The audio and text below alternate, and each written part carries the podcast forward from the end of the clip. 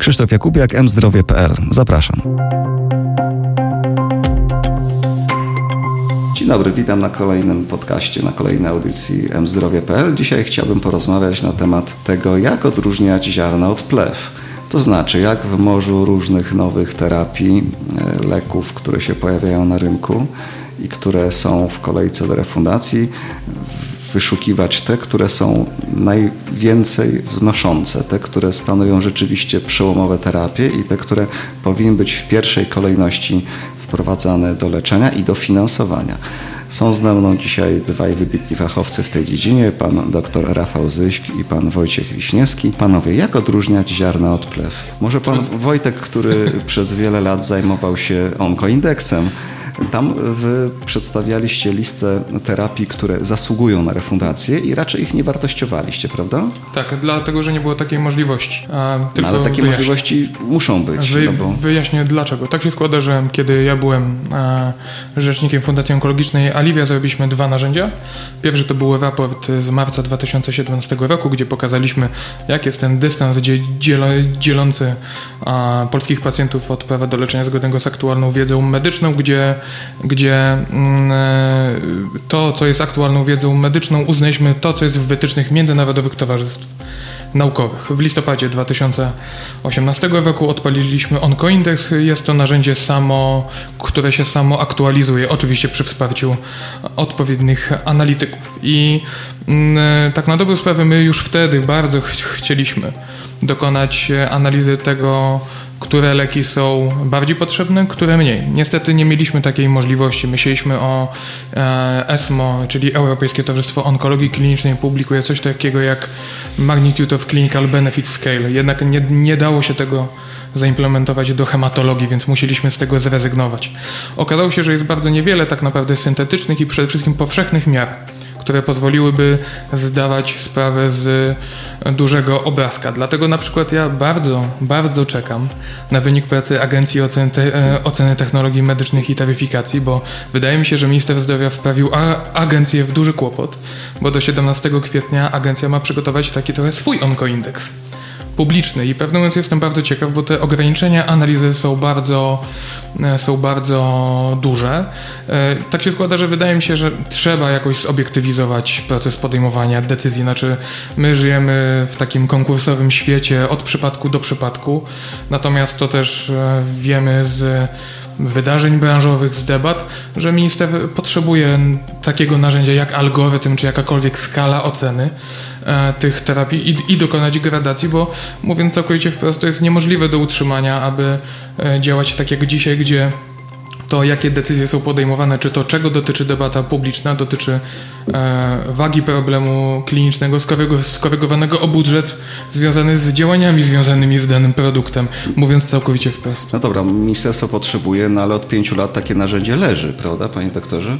Przygotowaliście, znaczy taki zespół specjalny, w którym brali udział również przedstawiciele PTOK, przez, przygotowaliście taki algorytm do oceny na zlecenie właściwie ministerstwa i powstał i co? W celu y, takiego szczegółowego e, podejścia do, do oceny e, zarówno skuteczności, bezpieczeństwa, e, jak i, jak, jak i efektywności kosztowej właśnie stworzono Agencję Oceny Technologii Medycznych i jej rolą jest, jest taka bardzo skrupulatna ocena wszystkich, wszystkich leków o refundację, których wnioskują przedsiębiorcy a także tych leków, których, których ocenę zleci bezpośrednio minister zdrowia. E, I tak naprawdę wszystkie informacje potrzebne do, do oceny wartości nowych leków znajdziemy w, w, tych takich bardzo obszernych raportach HTA, czy też w tych dokumentach, które są opracowywane przez Agencję Oceny Technologii Medycznych, czyli analizach weryfikacyjnych. Tylko one są bardzo są bardzo fachowe, obszerne, są obszerne. bardzo obszerne, są bardzo fachowe i tak naprawdę mm, decydent w osobie ministra odpowiedzialnego za politykę lekową no musiałby się zapoznać mm, z kilkusetstronicową dokumentacją dla każdego leku, co oznacza, gdy, gdy chce porównać wartość dodaną kilku nowych leków przeciwnowotworowych, no to musiałby przeczytać mniej więcej kilka tysięcy stron i wtedy miałby tą, tą wiedzę. Czyli w Natomiast jest tu, to niemożliwe, więc tak, trzeba coś uprościć. W praktyce jest to, jest to niemożliwe i tutaj e, towarzystwa naukowe, e, mam na myśli e, Europejskie Towarzystwo Onkologii Klinicznej, Amerykańskie Towarzystwo Onkologii Klinicznej, ale również 5 lat temu e, Polskie Towarzystwo Onkologiczne, PTO i PTOK, zaproponowały różne takie narzędzia, których celem byłoby mm, podsumowanie poprzez kwantyfikację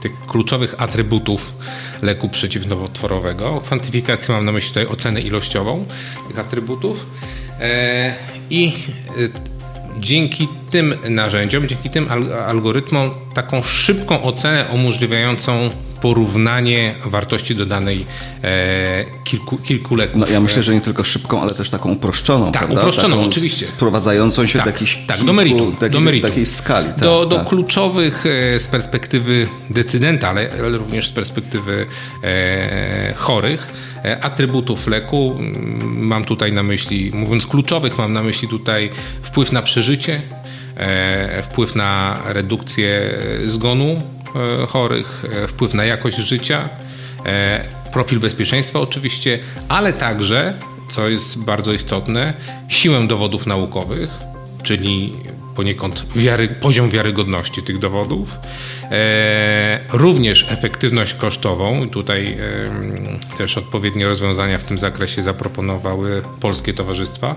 onkologiczne, e, kwantyfikację średniego kosztu e, rocznego terapii i też e, uwzględnienie niezaspokojonej e, potrzeby medycznej. Mhm.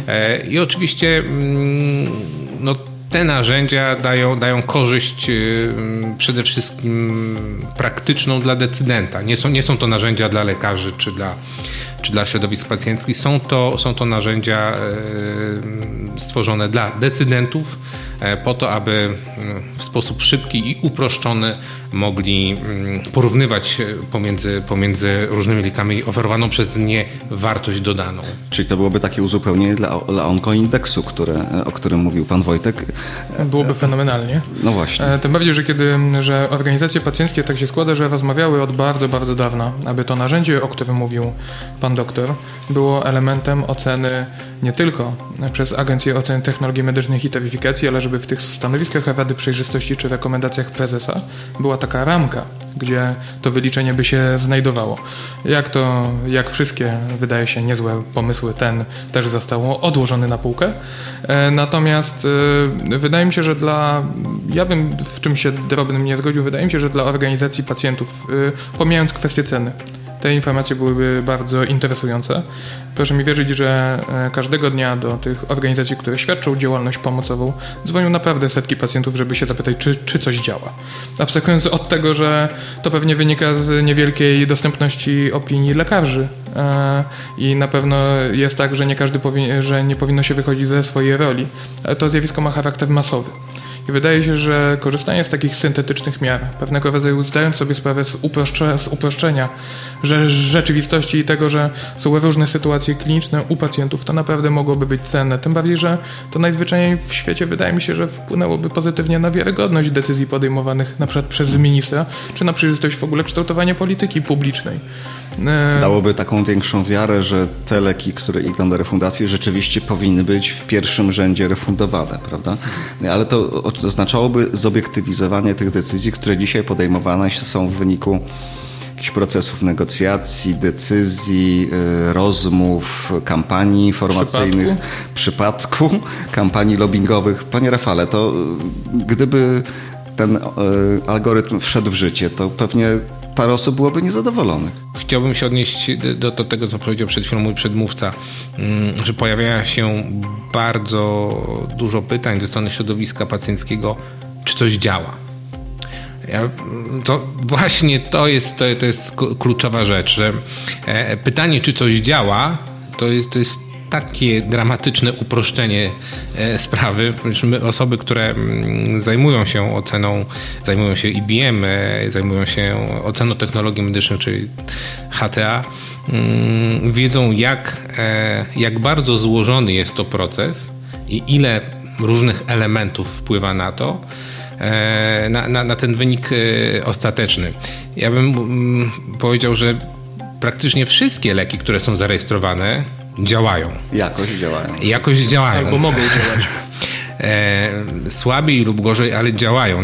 Natomiast e, meritum jest to, to jest ta wielkość efektu dodanego w stosunku do, mm, do aktualnego standardu postępowania. No bo właśnie, bo ten wasz algorytm przede wszystkim to mierzył. Tak. Jak wprowadzenie danego leku Tak. rozwinie Tak. możliwość terapii, którą mamy, czy tę Tak. wartość dodaną danego leku w konkretnym momencie. Mało tego, uwzględniał e, siłę dowodu naukowego, czyli możemy mieć mm, wynik bardzo korzystny dla leku z badania, ale badanie jakościowo było bardzo słabe. W związku z tym e, finalnie ta, ta wartość dodana dla leku otrzymywała e, niską punktację. Ze I po względu- paru miesiącach czy ze- po roku mogłoby tak, się okazać, tak. że kolejne badanie zweryfikowało te Oczywiście, wyniki że tak, i wtedy tak. ten y, ocena byłaby albo w górę, albo w dół zmieniona. Absolutnie tak, absolutnie tak. Y, Taka też była intencja y, ekspertów y, towarzystw onkologicznych, aby ten algorytm był stosowany w każdym przypadku pojawienia się nowych dowodów naukowych, które by cokolwiek wnosiły. Każdy lek był oceniony w jakiejś kategorii, tak? Od A do E, tak? E, tak, polski algorytm oceny wartości dodanej leku przeciwnowotworowego opierał się e, w pewnych swoich elementach na e, algorytmie Europejskiego Towarzystwa Onkologii Klinicznej oraz na algorytmie, które stosowane było przez Brytyjczyków w ramach mm, Funduszu Leków Przeciwnowotworowych, tak zwanego Cancer Drugs Fund. E, i Wszystkie kluczowe e, atrybuty leku podlegały mm, ocenie ilościowej. E, Następnie mm, sumaryczna liczba punktów, ta, ta, ta finalna ocena decydowała e, o tym, czy lek był przypisywany do kategorii o bardzo wysokiej wartości dodanej, e, wysokiej wartości dodanej, e, średniej wartości dodanej, czy też niskiej lub znikomej wartości dodanej. Czy to było od A do E? A, Tak, od A, od A do E, do, Tak, dokładnie. Dzięki, ho- hotele pięciogwiazdkowe, dzięki, dzięki czwarte, temu osoba, tak. która mm, podejmuje decyzję, de- decyzję mm, o, o finansowaniu, Na jednej kartce A4 tak, widzi... ma taką bardzo, bardzo e, uproszczoną e, kategoryzację leku poprzez przypisanie do jednej z pięciu kategorii. tylko uproszczoną, ale za tym uproszczeniem Tak, ale za tym uproszczeniem ogromna idzie wiedza, tak. analizy, Tak, badania, tak, zebranie wszystkich tak, danych, tak, prawda? tak. No, czyli narzędzie wydawałoby się świetne. Wtedy mamy onkoindeks, wszystkie leki, których na razie nie mamy w refundacji są kategoryzowane, mamy kartkę A4, widać, który jest A i który idzie do refundacji. Panowie, to co stoi na przeszkodzie, żeby to w Polsce wprowadzić? Wydaje mi się, że niska jakość w ogóle polityki publicznej w dziedzinie ochrony zdrowia w Polsce. Wydaje mi się, że tak, jest roz- kwestia. Znaczy, wy, to znaczy, wydaje mi się, że nie, nie wiem, czy panowie się zgodzicie. Może będę teraz pływał, ale e, jeżeli Podamy w ogóle, jeżeli chodzi o. I na to liczę. E, Jeżeli w ogóle chodzi o standaryzację postępowania w onkologii, tak, czyli na przykład wytyczne postępowania, przy, przy, przypomnę, że trzy lata mamy martwą ustawę, minister sam na siebie, bo to był projekt rządowy, narzucił obowiązek publikacji wytycznych postępowania w onkologii, przepis niewykonywany. Mamy ten kwestię obiektywizacji decyzji refundacyjnych. Mamy kwestię chociażby Jowisza, czyli obiektywizacji decyzji inwestycyjnych, która kończy się tak, że kto że kto pierwszy pójdzie do wojewody, ten O, dostanie już tak źle nie decyzję. jest, to już nie narzekajmy za ale mi bardzo, chodzi, ale- a nie, ale pojawił się projekt nowelizacji Jowisza, który ma zmagać się z tym, więc No zakładam, że moje uwagi mają charakter Problem został dostrzeżony i bardziej jak się obiektywny. mówi, zaadresowany. Tak. Więc, więc wydaje mi się, że to jest część troszkę większej całości. Znaczy nic samo się nie zdarza. To nie jest wada tego rozwiązania, tylko mm, y, jeden z y, onkologów zwykł mawiać, że niektórzy w mętnej wodzie y, lepiej pły, pływają. Wydaje mi się, że to jest, y, że to nie jest właśnie słabość tego projektu, jakieś zarzuty wobec niego, tylko to w ogóle, że jeżeli chodzi o obiektywizację, standaryzację, takie ta, takie trochę wprowadzenie norm cywilizacyjnych e, w polskiej onkologii, czy w ogóle w systemie ochrony zdrowia, po prostu mamy z tym bardzo duży problem i on wynika też ze słabości instytucji e, pub, e, publicznych, między innymi z wyzwań kadrowych, z którymi się mierzą, daleko nie szukając. No tak, ale jak już mówimy o tym algorytmie, no to tak jak powiedział pan doktor, algorytm wykorzystywał pracę wykonaną przez Agencję Oceny Medycznych, więc ta, e, e, ta praca została już wykonana. Chodziło tylko o to, żeby uprościć wnioski, tak? E, rozumiem, że inne kraje posługują się takimi uproszczonymi. W mojej ocenie, w mojej ocenie mm, dyskusja na temat algorytmu, bo finalnie ta dyskusja się rozpoczęła nawet nawet rozpoczęte zostały e, prace zespołu ministerialnego nad wykorzystaniem takiego algorytmu e, przez Ministerstwo Zdrowia. Natomiast trafił on w bardzo zły czas ponieważ... Znaczy się politycznie zły Politycznie zły czas, tak. Politycznie zły czas, bo to było pomiędzy jedną a drugą kadencją Sejmu, pomiędzy mm, jednym a drugim rządem. Okay. I wydaje mi się, że ktoś bardzo niefortunnie przypisał hmm, chyba polityczne intencje, a, a nie eksperckie. Polityczne intencje e, temu projektowi. E, no i mm, no, on został Rozumiem, do dostał łatkę tak, politycznego. Tak, i... tak, myślę, że tak, że tak właśnie było. No to fatalnie się zdarzyło. Czy jest szansa teraz po tych pięciu latach, żeby to jakoś odgrzebać? A w... nawet nie mówię o konkretnym narzędziu, chociaż narzędzie wygląda pewnie doskonale, ale w ogóle o samej idei, o takiej idei kategoryzacji tych wszystkich leków, które czekają na, e, na objęcie refundacją. E, czy ta praca, którą wykonuje Agencja Oceny i którą ma wykonać do połowy kwietnia jest taką szansą?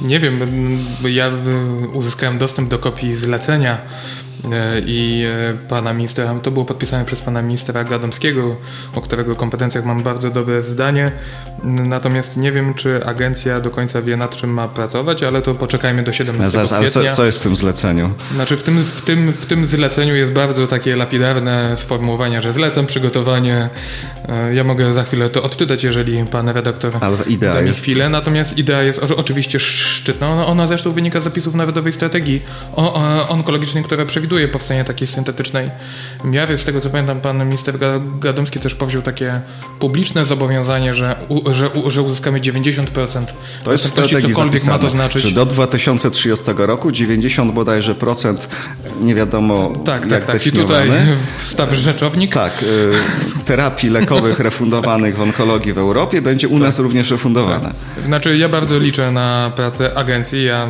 jestem wielkim fanem zresztą pracy agencji e, też... E, Proszę się nie uśmiechać, to mówię. Ale ja się, ale ja się uśmiecham, ja się uśmiecham, dlatego że mamy bardzo dobre doświadczenia chociażby z pracą ag Agencji nad Koszykiem Świadczeń Gwarantowanych. Kiedy byłem w Aliwi, bardzo intensywna ta współpraca była. E, żałuję, że teraz już nie mogę. Natomiast e, e powiem tak, nie widzę żadnego powodu, chyba że panowie mnie wyprowadzicie z błędu, żeby tego naprawdę nie wziąć e, z półki. Nie wydaje mi się, żeby to się zdezak zdezaktualizowało. Też e, przypomnę tylko, gdzie byliśmy 5 lat temu, jeżeli chodzi o dostęp do terapii. Znaczy, 5 lat temu podjęcie pojedynczej, pozytywnej decyzji refundacyjnej dla leku onkologicznego było dużym wydarzeniem. E, od 2016 roku wydaje mi się, że to była połowa od raka jelita grubego, tych pozytywnych decyzji refundacyjnych było przynajmniej kilkadziesiąt. Dokładnie. I wydaje mi się też, że potrzeba trochę narasta, tak? Że liczba tych wniosków, wydaje mi się, że okoliczności się, się zmieniły i decydent y, potrzebuje tego bardziej niż potrzebował tego wcześniej, więc Zwłaszcza, naprawdę że właśnie, że w poszczególnych obszarach coraz więcej jest tych leków i trzeba jakoś je rozsortować. W hematologii prawda? na przykład. Ile się rejestruje terapii w hematologii?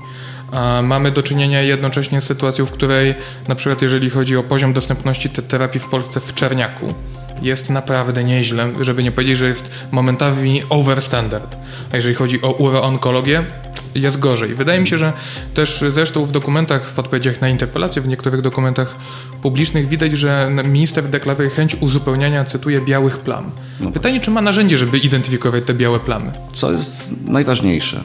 A co można rozpatrywać w trochę mniejszym, w trochę dalszej perspektywie, czemu można przepisać mniejszą miarę punktową w ocenach, w, w algorytmach. Wskaźnik taki jeden, dwa najważniejsze wskaźniki. Tutaj nie ma takiego rozróżnienia, e, ponieważ te punkty są równoważne. Przy, przy, jeśli, jeśli punktujemy, algorytmy punktują zarówno wpływ na E, na poprawę przeżycia. No bo to chorych. tak się wydaje, że to powinno być najważniejsze, o, jak, o, jak, o jaki okres lek przedłuża życie pacjentowi. E, Czy w to, ogóle go o, Oczywiście, jeśli, jeśli, tak? jeśli mamy do czynienia z e, znaczącym przedłużeniem przeżycia dzięki zastosowaniu e, ocenianego leku, wówczas e, taki lek dostaje więcej punktów. E, najwyżej są punktowane leki, które, które mm, wydłużają znacząco życie chorego. Znacząco to, to mam na myśli, ta mediana przeżycia jest, e, jest wyższa niż, niż pół roku zdecydowanie. Mm, kiedy, mm, i oczywiście mówię o porównaniu do aktualnie e, stosowanego standardu postępowania w danym kraju. Czyli, czyli tutaj chodziłoby o standard e, refundowany w Polsce. To, to byłoby punktem odniesienia. E, wysoko punktowane e, są również leki, e, które istotnie obniżają ryzyko zgonu chorego. Również wysoko są punktowane w algorytmie leki, które znacząco poprawiają jakość życia chorego, ale również zapewniając wydłużenie życia. Mhm. Są e, oczywiście również e, sytuacje, kiedy algorytm przypisuje punkty ujemne lekowi. To jest sytuacja, kiedy znacząco pogarsza się jakość życia lub też profil bezpieczeństwa jest znacząco gorszy niż dzisiaj stosowane e, leki mhm. posiadają. No i panie Wojtku, gdyby Fundacja Livia tworząc kolejny onkoindeks chciała jakoś go jednak tak zalgorytmizować, to co byście wzięli pod uwagę przede wszystkim? Znaczy to pytanie do Fundacji Aliwie, no, ale... którą mnie łączą bardzo silne emocje i piękna wspólna przeszłość. Natomiast y, jeżeli nic się nie zmieniło, to tak czy inaczej Fundacja prowadziła i z tego co wiem, to prowadzi działania zmierzające do e, zastosowania jakiejś wspólnej miary dla tych terapii. Mam nadzieję, że to, tym bardziej, że w przestrzeni publicznej pojawiły się takie wątpliwości. Dlatego też naprawdę z utęsknieniem czekam na e, wynik pracy Agencji Oceny Technologii Medycznych i Taryfikacji, bo dobrze wiedzieć, jak ktoś się zajmuje dużo mądrzejszy tymi samymi sprawami. Natomiast ja chciałbym tylko powiedzieć jedną sprawę, bo ja nie zajmuję się oceną. Czyli jakiś taki benchmark ogólnie rzecz biorąc, dotyczący i skuteczności klinicznej, i e, ceny, i jakości, tak? I żeby jednocześnie nie był w potrzasku, bo jeżeli trafi nam się super efektywna technologia. To po prostu jej cena też może być po prostu nie do dźwignięcia dla płatnika. No takich parę już jest. Takich parę teraz już jest. Carti na przykład. Ale ja nie wiem, o których pan mówi, a no, o Carti na No technologia Carti teraz jest taka gorąca, natomiast, prawda? Natomiast też w ogóle te jednorazowe terapie, też pytanie jak je oceniać, jak też za nie płacić, to jest dyskusja też wydaje mi się, że w Polsce na razie nieobecna. Natomiast y, wydaje mi się, że, y, de, że, że decydent, o ile oczywiście znalazłby czas, naprawdę dostrzegłby korzyści wynikające z obiektywizacji tego procesu. Miejmy nadzieję, że nasz płatnik też pójdzie tą drogą i skorzysta zakurzonego trochę przez parę lat e, algorytmu, który leży na półce i będziemy starali się to śledzić. Dziękuję bardzo panu za uwagę. Dzisiaj gościem Dziękuję byli... również. Rafał Zyśk. I Wojciech Wiśniewski. Krzysztof Jakubiak. Dziękuję bardzo. Nasi eksperci wiedzą wszystko, a nawet więcej. mzdrowie.pl